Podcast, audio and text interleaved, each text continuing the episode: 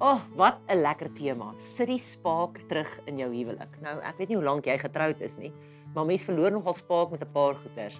Jou kind se geboorte, as ou Hendrikie hier langs jou in die campingkot slaap, dit vat nogal aan die spaak van jou huwelik. 'n Finansiële krisis vat nogal aan die spaak. Ouderdom vat aan 'n spaak. Ag, frustrasies. Daar's 'n klomp dinge wat die spaak van van 'n huwelik letterlik nat maak en maak dat die vlammetjie net weg is. Nou, as jy ons nou wil eerlik wees, dan is die heel eerste ding wat ons verkeerd doen is ons verander nadat ons trou. Dit is amper asof ons veg om iets te bekom voordat ons trou en die dag as ons getroud is, dan veg ons nie om dit te behou nie. En dis 'n crucial ding wat jy vandag moet leer. Jy het miskien geveg om iets te bekom, maar nou as jy getroud is, moet jy veg om iets te behou. En nee, daarmee sê ek nie jy moet hom hou of jy moet jou vrou hou want anders gaan jy hulle verloor. Want dan begin ons vra maar is die liefde opreg? en so meer maar 'n huwelik wat werk is mos nou maar harde werk. En as jy nog gaan kyk na 'n koppel wat byvoorbeeld 'n fliek moet kies en hulle is nou nog verlief en verlore. Kyk hulle staan daar voor daai um Fast and Furious en die ander opsie is Me Before You. Dan moet jy hulle gaan kyk. Die meisie sê my engel ons kan regtig vir ag uh, Fast and Furious kyk regtig ek gee regtig vir nie om nie dan sê hy nee, dis oukei. Okay. Ons kan daai ander daai ander romantiese een kyk. Ek maai nie.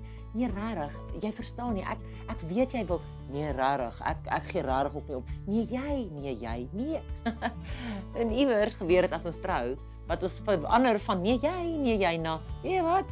Jou hele ding is, hoekom altyd jy? Hoekom moet ons altyd luister wat jy wil hê? In ander woorde, ons ingesteldheid verander wanneer ons die dag trou. En daai ding steel die vreugde uit ons huwelikheid. Die ander ding is ons neem mekaar van selfsprekend.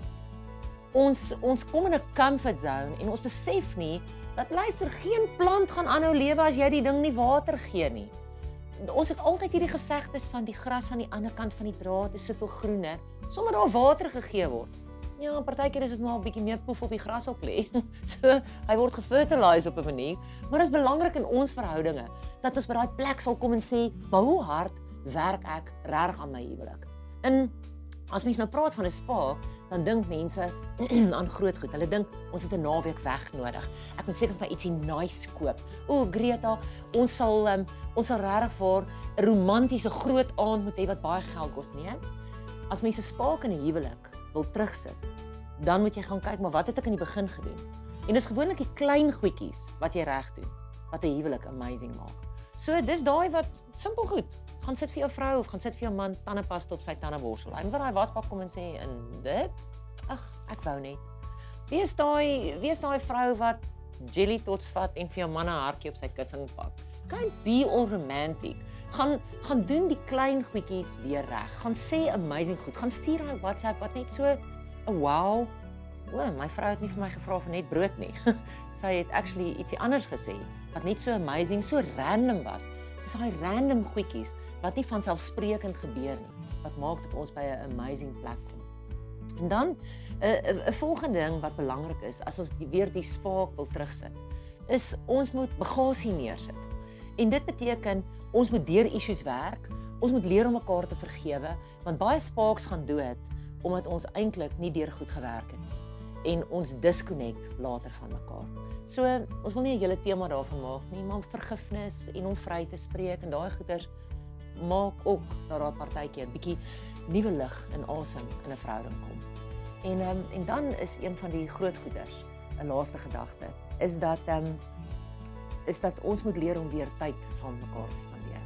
Een van die goeders wat ek nogal regtig waar in my hart glo, is dat ons as paartjies, ons as getroudes moet besef ons was 'n koppel voordat ons kinders gehad het. En partykeer as ons kinders kry, dan raak ons gesinsmense. Ons gaan eet by die Wimpy, ons gaan eet by, jy weet, ons gaan eet by gesinsrestaurante waar daar 'n speelkamer is, waar daar vetkruite is, waar die kinders besig gehou kan word, wat kindervriendelik is. Maar ons invest niks in onsself nie. Ons wil nie weggaan na 'n plek toe waar daar nie 'n swembad en 'n park en 'n plek is waar die kinders kan fietsry nie, want solank die kinders happy is. Weet jy, elke huwelik het tyd alleen nodig.